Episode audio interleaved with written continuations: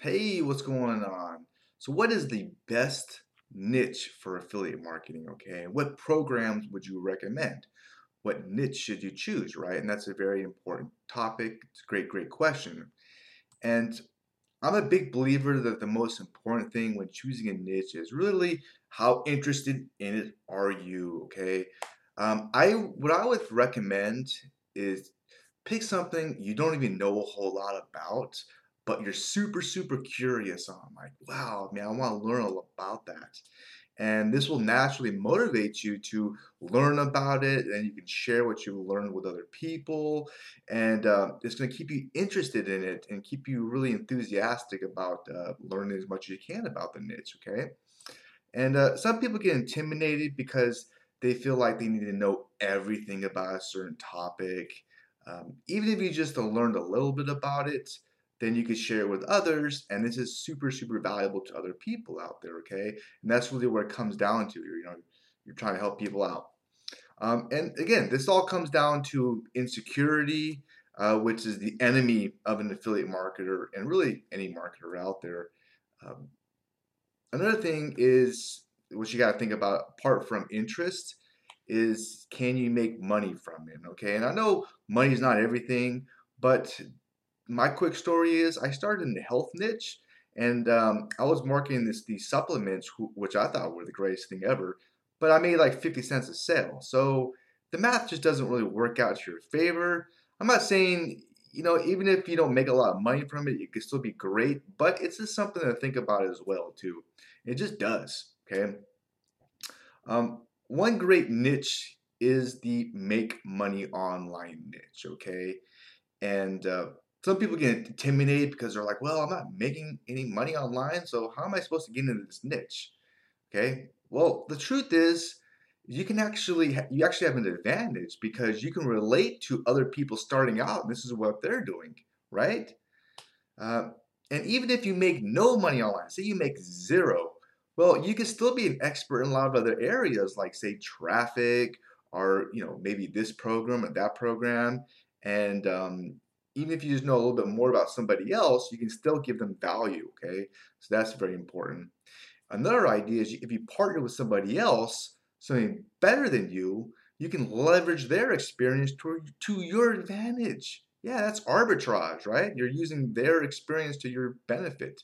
This can definitely help you and help the person who you're trying to help. Okay? So you don't have to fake it till you make it, which I, I really do believe is complete bullshit.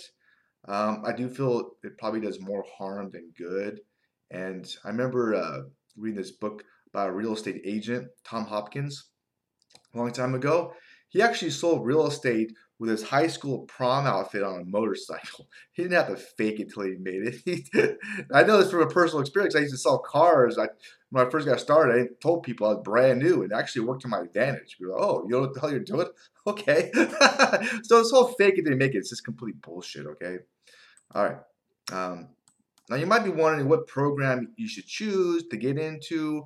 Well, one thing to think about is in business it's everything's about profit. You know, if you if you don't, I, I would recommend a program where you don't have to spend a lot of money every single month. Okay, for try to keep your costs down as, as low as possible. Um, that way you can actually make the money. Okay. All right.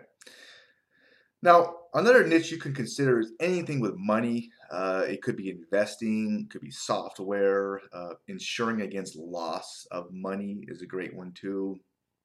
Uh, the main thing, again, is you really should be believing in what you're offering to people. If it has worked for you, then that is 1,000 times better than something that you've never used. Okay, I really do believe that because it's just going to help with everything if you really believe in what you're offering. Okay, that's a big, big thing as well. All right. Um, of course, there's the health niche. Okay, I used to be in this as well. Um, but I switched, you know, based off a lot of different reasons. Health is huge, okay? And there's a lot of different topics you can go into, but if you believe in what you're what you're offering, it can be a great, great idea for your situation, okay?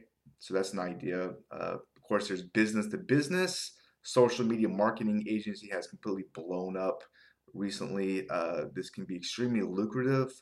Uh, there's many areas you can branch off into. And um, what I'm a big believer in is still a list, okay? So even if I was going to do the social media marketing agency thing, I would probably build a list of people that were interested in that. I would market products to them. Then the back end, you could market, just do it for them yourself or hire someone to do all the work for them too. Um, but you still need a list, and I think a list is the thing that everybody needs in any type of digital marketing or if you're going to do market anything online, a list just helps way, way much, helps a lot. Okay. All right. And uh, yeah, who could forget about hobbies, right? There's another idea. Uh, if there's a hobby that you absolutely love, I'm pretty sure there's a way you can make money from it. Okay. There's a lot of different ways you can promote services, uh, products, um, even consulting uh, to people that are interested in that hobby. Okay. Um, to a list um, if you don't believe me, just look at video games, right? Look all the money people are making just from playing video games and even the video game contests. You know, there's video game YouTube channels, lots of money. Who would have thought that, right? So yeah, you definitely could make money around your niche, and that's a great little side hustle to make money on the side too. Uh, and of course, there's relationships. You can enter in that niche if you're truly, truly passionate about it. Uh, yeah, you can make money from that. Um, so whatever niche you choose, most likely there is a way to make money from it, okay? As long as you're really, really interested in it, okay? There, there, hopefully there is. Um, but like I said, whatever niche you choose, I do recommend you build a list from it. Uh, then with that list, you can you can promote a variety of products, all geared towards that list. Um, and there's so much you could do with a list. Like you, you can partner with another marketer and build each other's lists that way. Uh, you know, you could do that. Uh, you can do consulting service. You could create your own products and market to your list. So, and you could use that list endlessly into the future as well. Okay. All right.